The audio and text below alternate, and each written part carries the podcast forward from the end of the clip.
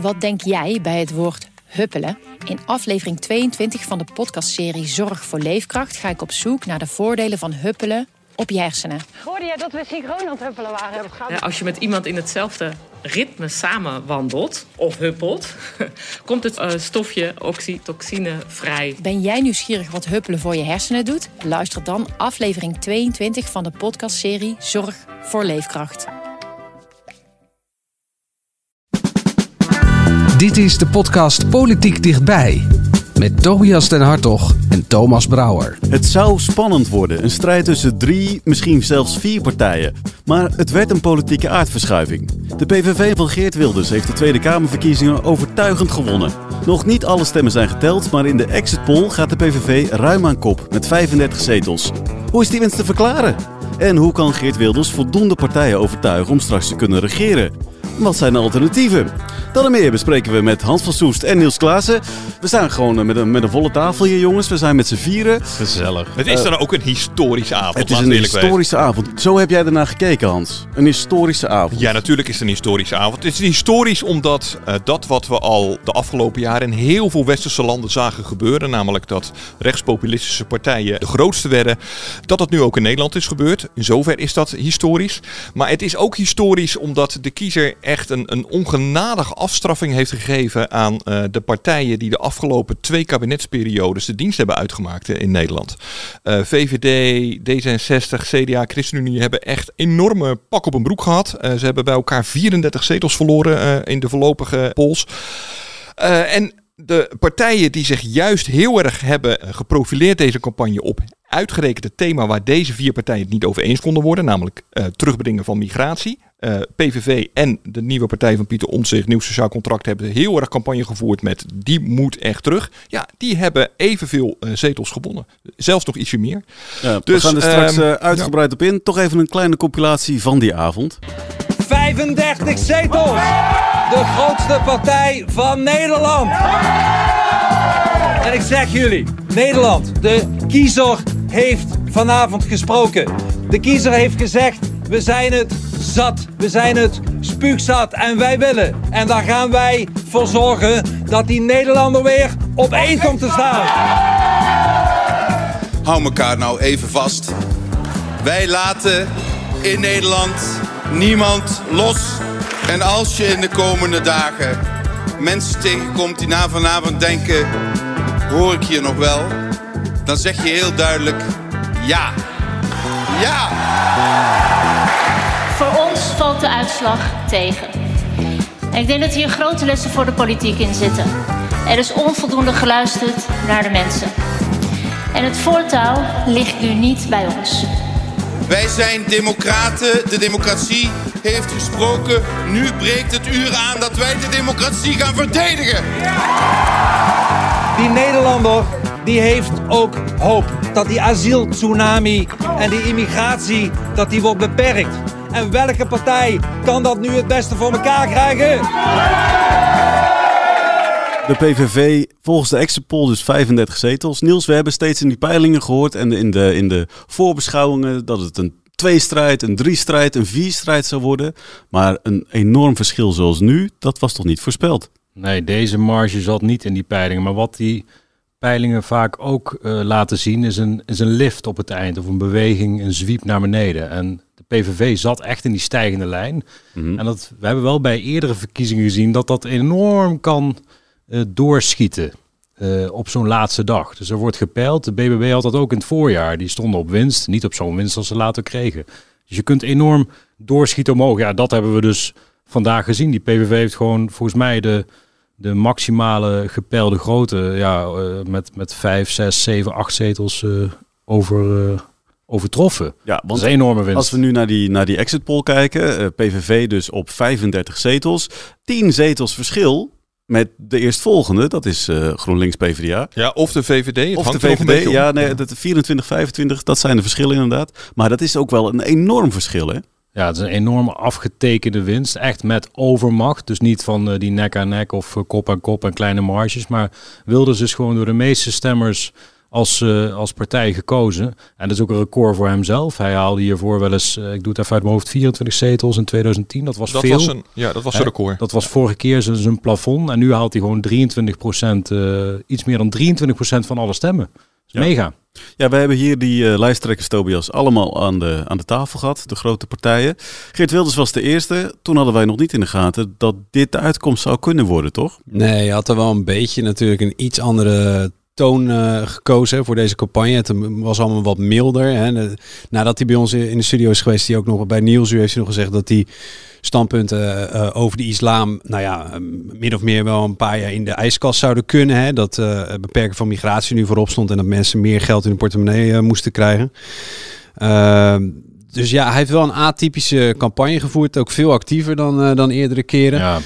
Ja, dat is, het, heeft, uh, het heeft resultaat gehad. Hij heeft echt zijn, zijn, hij heeft eigenlijk zijn aanpak, zou je kunnen zeggen, een beetje veranderd. Want hij heeft in het voorjaar heeft hij heel slechte statenverkiezingen gehad. Ook door allerlei redenen, maar gewoon slecht scoren. En dat was overigens de zoveelste slechte verkiezing voor de PVV Ja. op rij. Ja. Hè? Want de gemeenteraadsverkiezingen liepen ook niet lekker. Europese verkiezingen, Ja, er is verdwenen ze zelfs. Er is een tijd geweest Ja. met eh, eh, de opkomst van Ja. Forum dat we dachten, nou, Ja. dit, dit was het laatste Ja. rondje voor, eh, voor Ja. Wilders. Hè? En hij zei, eh, hij, hij, hij zag ook dat Caroline met een soort gezond verstand het politiek heel goed scoorde. Maar hij geloofde eigenlijk tot de kabinetsval, zei hij ook in kleine kring, helemaal niet in een gematigde opstelling. Hij zei dat politieke midden, dat zegt hij vaker, hè, Wilders, dat is zo druk. Ik ben gewoon eh, anti-immigratie, anti-islampartij. Dat zit in mijn DNA, dus ik geloof niet in matiging. Maar uiteindelijk heeft hij zich toch anders gepresenteerd. Hij heeft zijn partijprogramma nog opgeschreven als spijkerhard, zou je kunnen zeggen. Hier en daar een scherp randje vanaf. Maar daarna zie je in de debatten, is hij echt wel verzoenender en constructiever geworden. Zeker. Zoals Tobias al zei, plannen kunnen in de ijskast.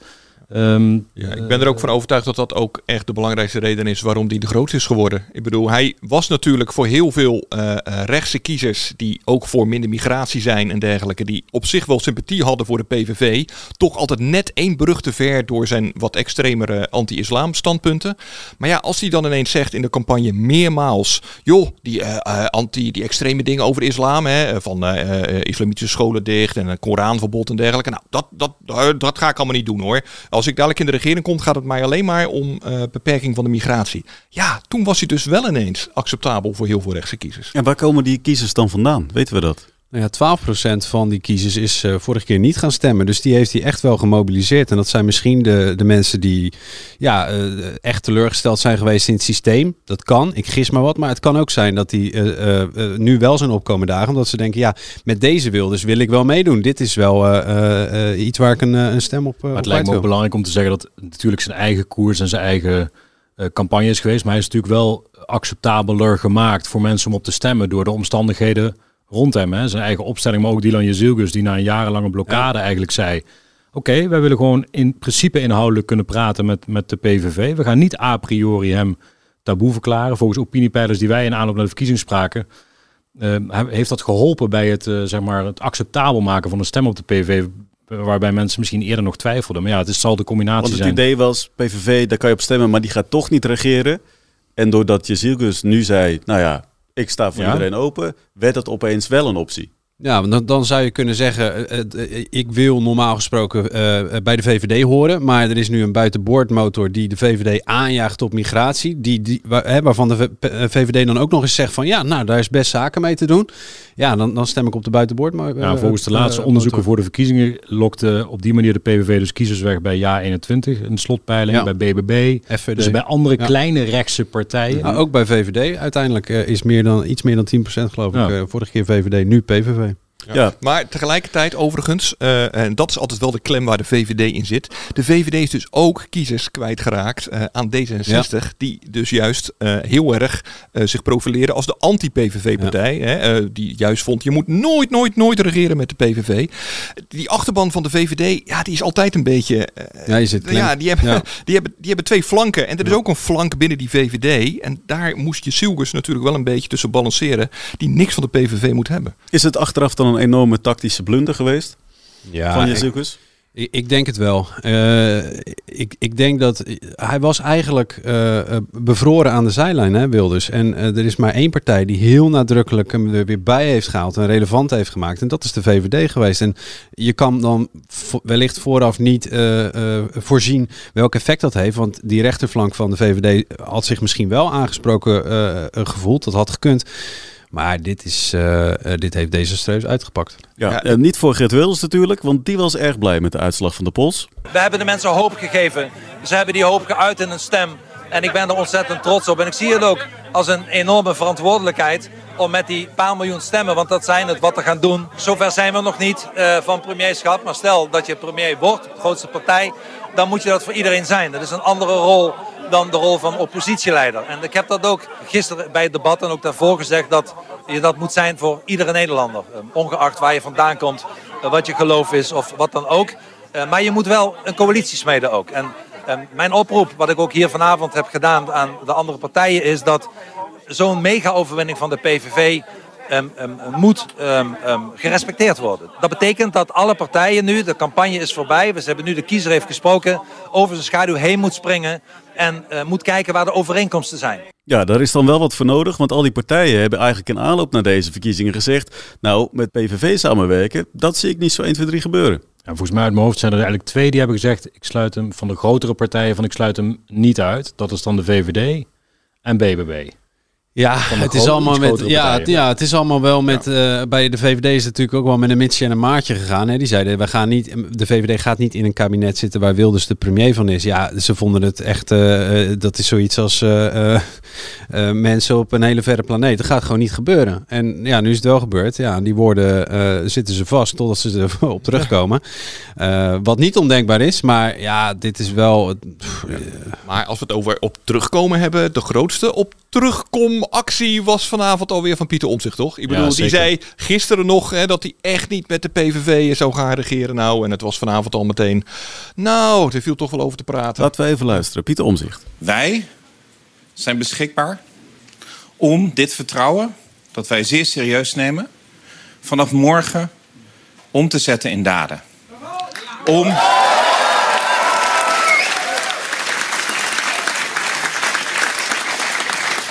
Wij gaan onze verantwoordelijkheid nemen. Want wij hebben de plannen.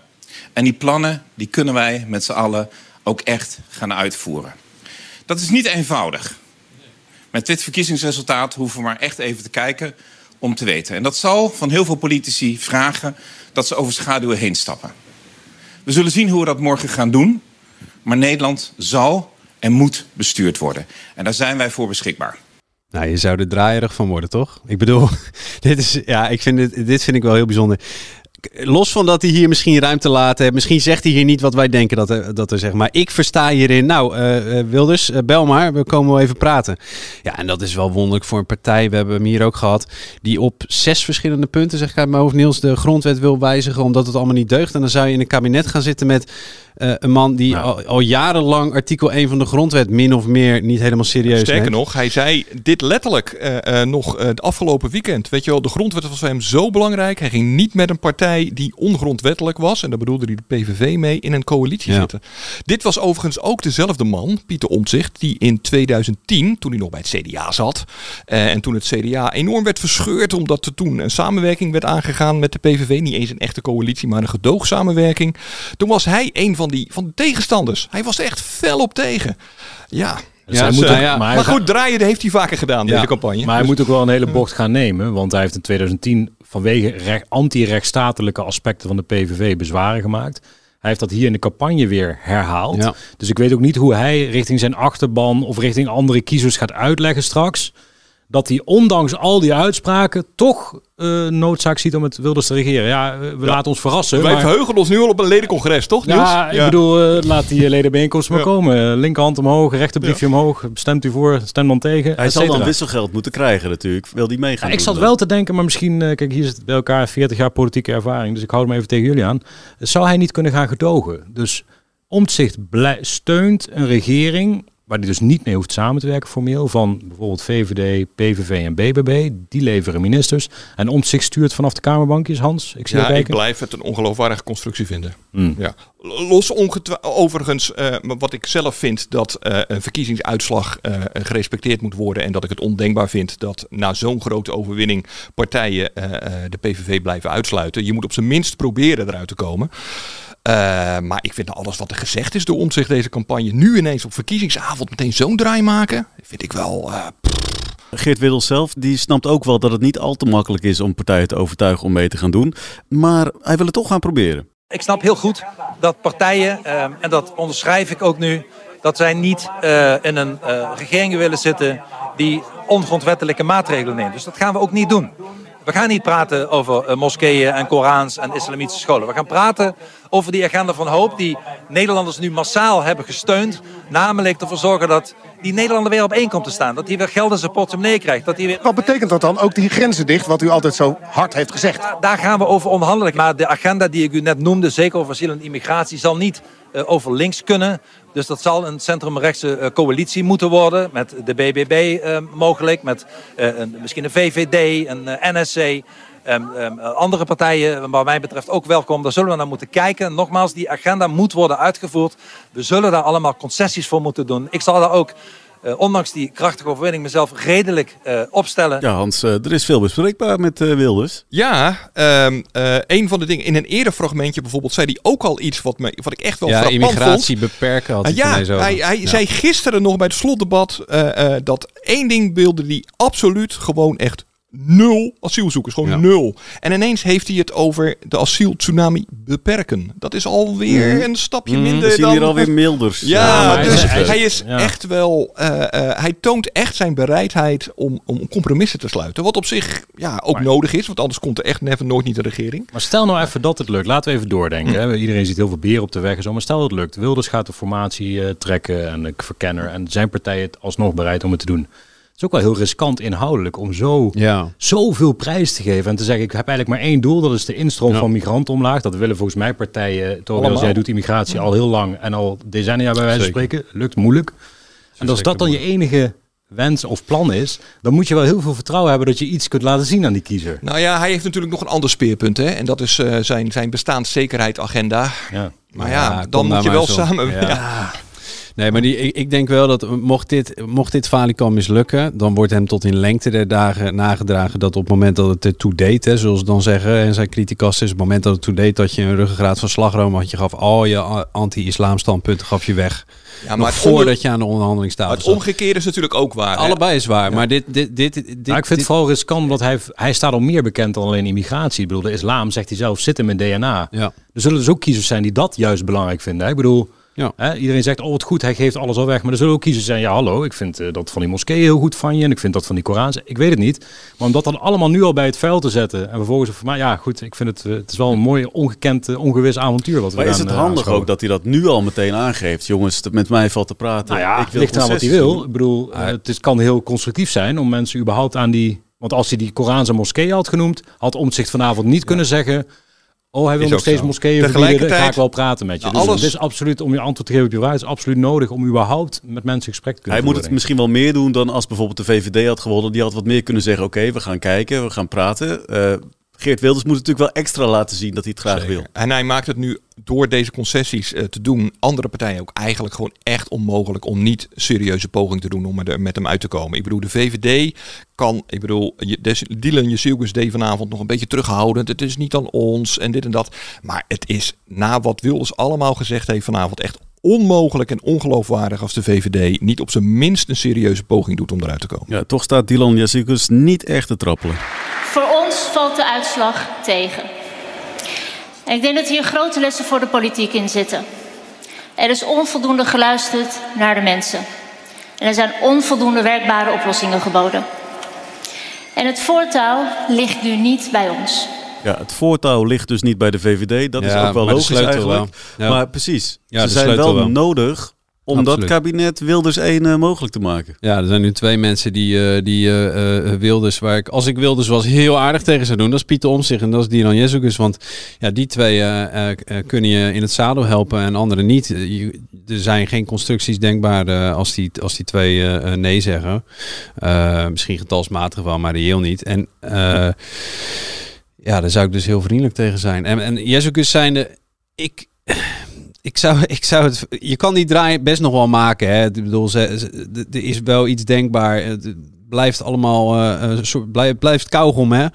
Al die standpunten. Maar ja, ik, je, moet, je moet het een serieuze kans geven. Maar als zij over twee maanden zeggen, ja, het lukt toch niet. Uh, maar wat dan? Ja, kijk, en dat is dan, kijk naar uh, uh, de uitslag zoals die er nu ligt.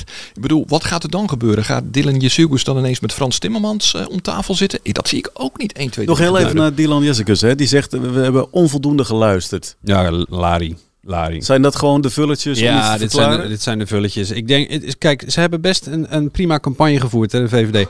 Het is niet makkelijk uh, om uh, een zittend premier op te volgen.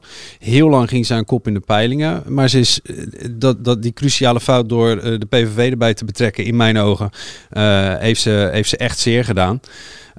en ja, op een of andere manier is, is, is die agenda van uh, de migratiebeperking. Dat is, ik denk dat de kiezer uiteindelijk heeft gedacht: ja, je hebt daar 13 jaar niet op geleverd. En uh, misschien, misschien nu is het aan een ander.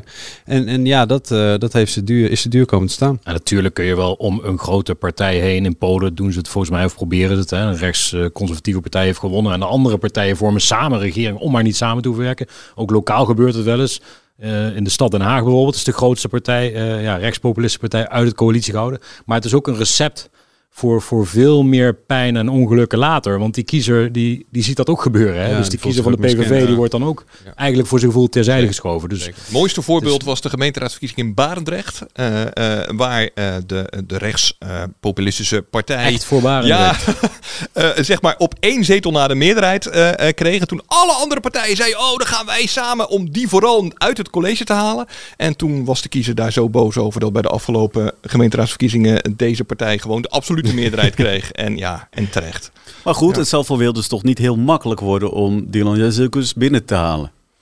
En Omtzigt ook niet hoor. Ik bedoel, hij begint wel te draaien, maar Omtzigt heeft eigenlijk nog wel een paar. Uh, en hij heeft nu ook uh, allerlei fractieleden om uh, verantwoordingen af ja. te leggen. Dus zullen ook niet allemaal in de rij staan om met Wilders in één kabinet te gaan. Dus ja, iemand die wel enthousiast is, is Caroline van der Plas. Ja, ik ben hartstikke blij. Ik, we, kijk, we hebben natuurlijk op 30 gestaan.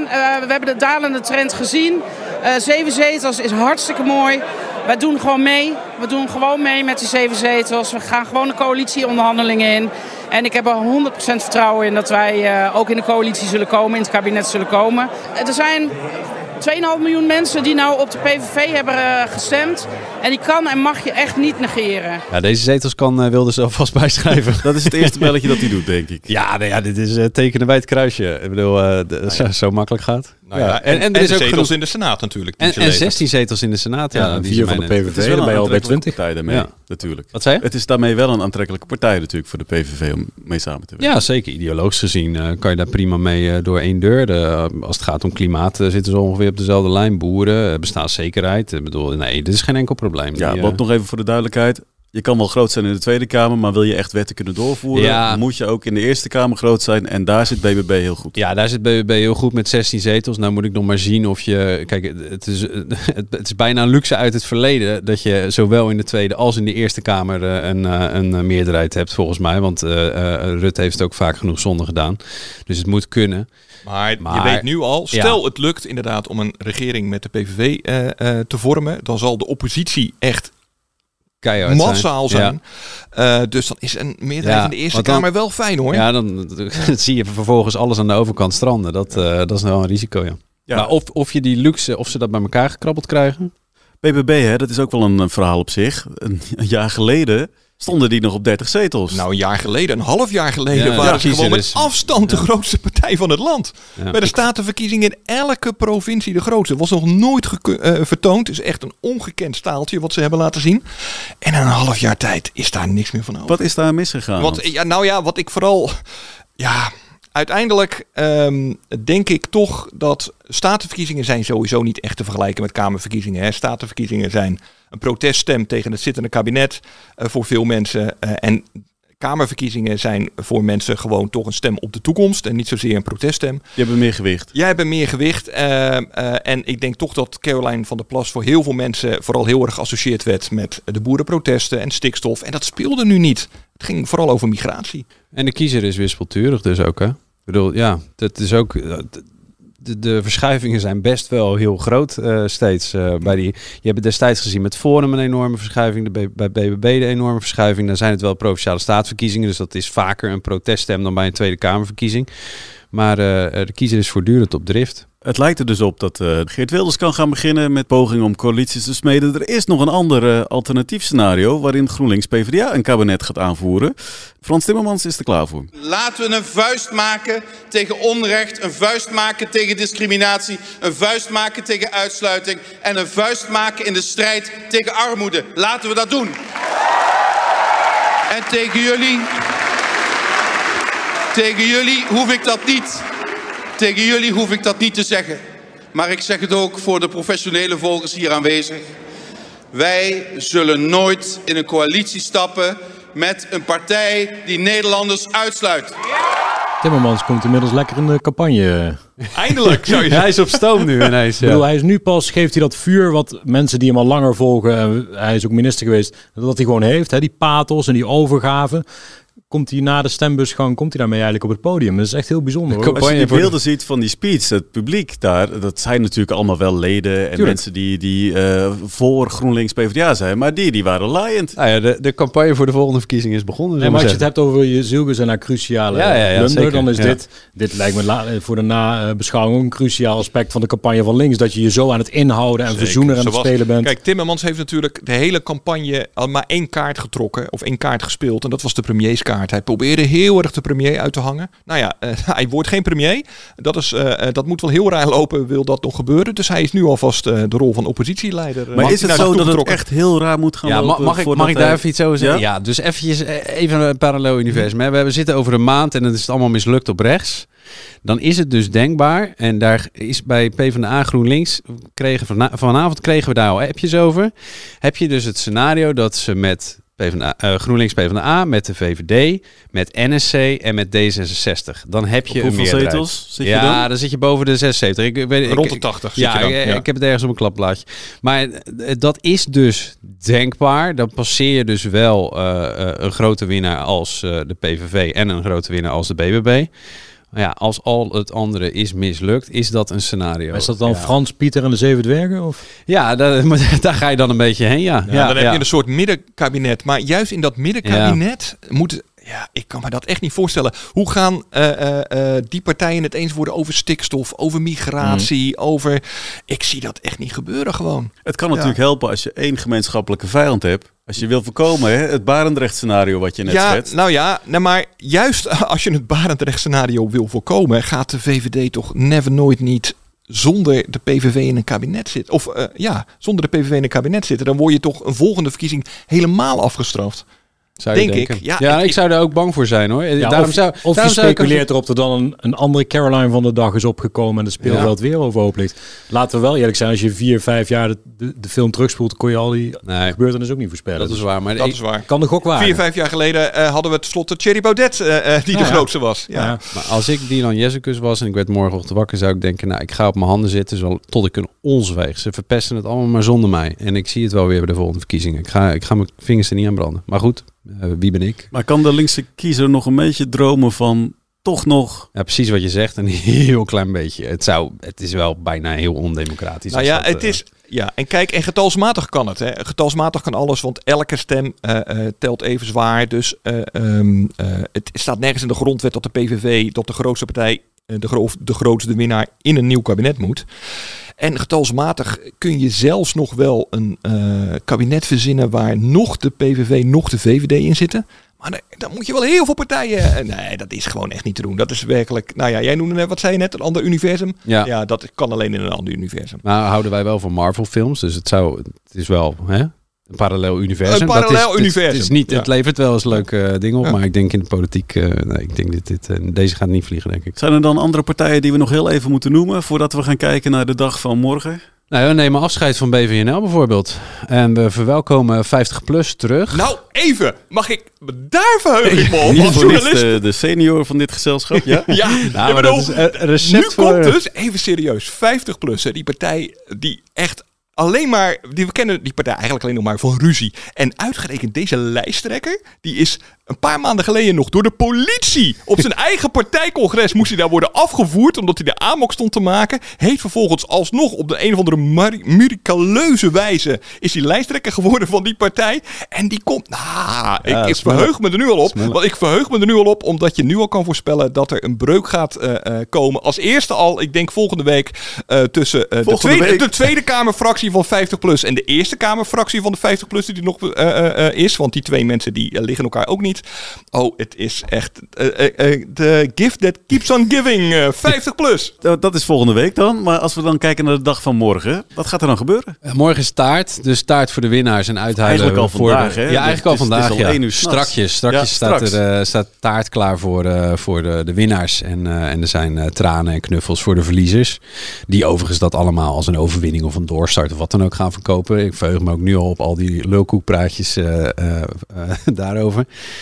En dan die dag daarna, op vrijdag, dan begint het echte werk. Dan komen de lijsttrekkers bij elkaar bij Vera Bergkamp in de pas geverfde Max van der Stoelzaal in het Tweede Kamergebouw. En dan, dan wordt er een verkenner aangewezen. En dan beginnen de gesprekken eigenlijk al. En hoe gaat het dan verder? Dan die verkenner die spreekt dan met Geert Ja, Wilders. En die spreekt met die laat alle lijsttrekkers. lijsttrekkers langskomen inderdaad. En die gaat aftasten van eh, wat zou er nodig zijn om, eh, om tot, tot echte onderhandelingen over te gaan. Hè? Waar, liggen de, eh, de, de, waar liggen de openingen, zeg maar. En, eh, en, en waar liggen ook de, de problemen. Volgens mij hebben ze een deadline ook van twee weken dit keer, Ja, hè? ja, dat is nieuw. En dan, dan komt er ook een debat. Hè? Eh, en dan, dan komt, komt alles op tafel. Dus dat is ook bedoeld om er een beetje tempo in te houden. En niet zo'n weer zo'n dramatische uh, slepende Voor de kerst formatie. weten we dat wordt dan het eh, eerste debat van de nieuw geïnstalleerde Tweede Kamer. Ja, ja. En dat, eh, dat eh, dus we gaan in, binnen nu en twee weken best wel. eh, 7 december staat het volgens mij meer al gepland. Ja, ja. Dus dan, dan, dan weten we weten we in ieder geval al iets meer over wie met wat. Maar zei je nou, Niels, dat we voor de kerst weten of er een kabinet Wilders 1 komt? Nou, of die verkenning van zo'n route eh, van start kan gaan, hè, inhoudelijk. Dus als je dat Ja, debat hebt gehad, dan kunnen gaan praten. of ze echt Ja. kunnen gaan praten, hè, of ze de eerste stap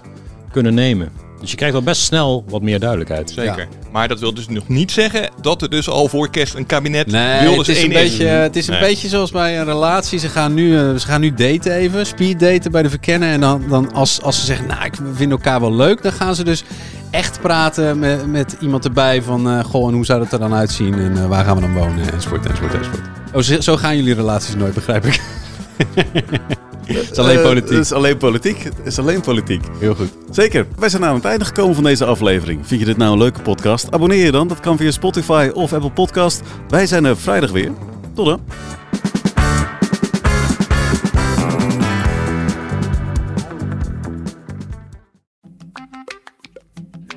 Wat denk jij bij het woord huppelen? In aflevering 22 van de podcastserie Zorg voor Leefkracht ga ik op zoek naar de voordelen van huppelen op je hersenen. Hoorde jij dat we synchroon aan het huppelen waren? Ja, als je met iemand in hetzelfde ritme samen wandelt of huppelt, komt het eh, stofje oxytocine vrij. Ben jij nieuwsgierig wat huppelen voor je hersenen doet? Luister dan aflevering 22 van de podcastserie Zorg voor Leefkracht.